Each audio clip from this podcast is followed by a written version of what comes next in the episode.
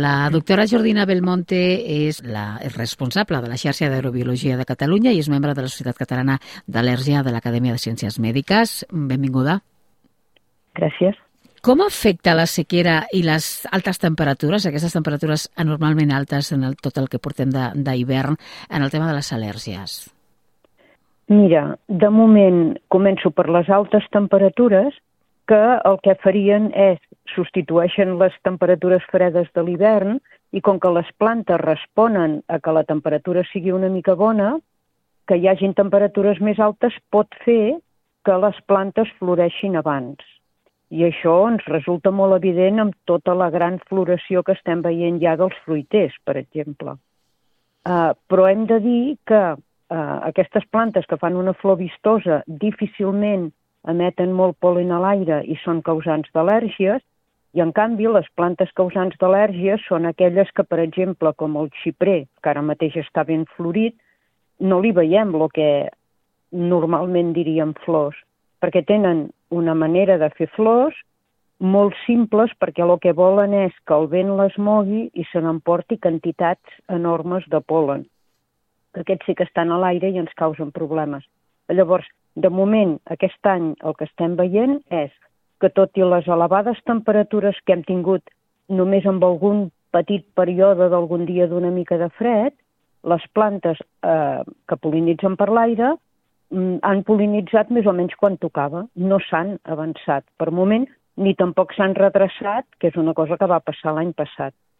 És a dir, anem amb una floració de plantes que causen al·lèrgies normal, ara per ara. Uh -huh. I respecte a la precipitació, la falta de precipitació respecte a aquesta sequera, el que ens té molt sorpresos és que, malgrat la sequera, les plantes no, no polinitzen menys, no les veus esgotades, allò, que, que és una cosa que ens hauríem pensat que podria passar, eh? però portem, ja l'any passat era una sequera molt forta i quan van fer polen en van fer molt, i aquest any de moment també estem veient que els nivells de polen que emeten són normals, diguéssim, i, i és com si no estiguessin afectats per la sequera. I això ens té molt sorpresos. Cada any, més o menys per aquestes dates, una miqueta més tard, eh, vostè ens fa l'avançament de com serà la, la temporada d'al·lèrgia, una informació que, que esperen molt les persones al·lèrgiques, però cada vegada hi ha més persones al·lèrgiques, tot i que potser no ho tenim diagnosticat, però cada vegada notem no? com anem tenint aquestes al·lèrgies.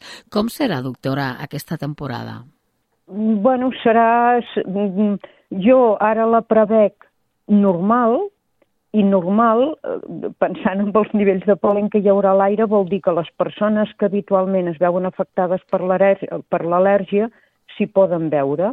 És a dir, el, la meva recomanació sempre és que sàpiguen que tinguin un bon diagnòstic mèdic i un bon consell mèdic de què han de fer mm, per evitar majors problemes i que ara haurien de començar a pensar doncs, que els hi arriba aquesta època molesta no?, per la malaltia que tenen i, per tant, aprendre totes aquestes precaucions. Em sap molt greu no poder-los donar la notícia de que serà una primavera doncs que per la sequera gairebé no hi haurà polen. Jo això, de moment, per la, per, per la informació que tinc, no, no ho puc dir-ho.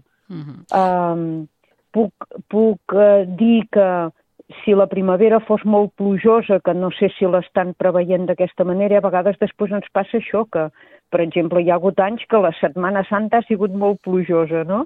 Mm, això els aniria bé a les persones al·lèrgiques al polen, perquè la pluja faria caure tots aquests grans de polen que estarien preparats per sortir a l'aire, els arrossegaria a terra i quedarien com inutilitzats, diguéssim. Podria anar malament pels que són al·lèrgics a les espores de fongs, que llavors n'hi hauria més, no? Però, clar, les plantes van responent diria que minut a minut el temps que fa. I llavors, si les prediccions de, de meteorologia, de temps meteorològic que tindrem, no són, no són a llarg termini, el que podem dir els aerobiòlegs no també ens queda així una mica limitat. Seria una bona notícia, en tot cas, la pluja per a les persones al·lèrgiques i, i per tots en general. Doctora sí. Jordina Belmonte, responsable de la xarxa d'aerobiologia de Catalunya i membre de la Societat Catalana d'Al·lèrgia de l'Acadèmia de les Ciències Mèdiques, moltíssimes gràcies. Gràcies a vosaltres i que sigui una bona primavera. Tant de bo. Tant de bo, i que plogui una mica. Adéu, bon dia.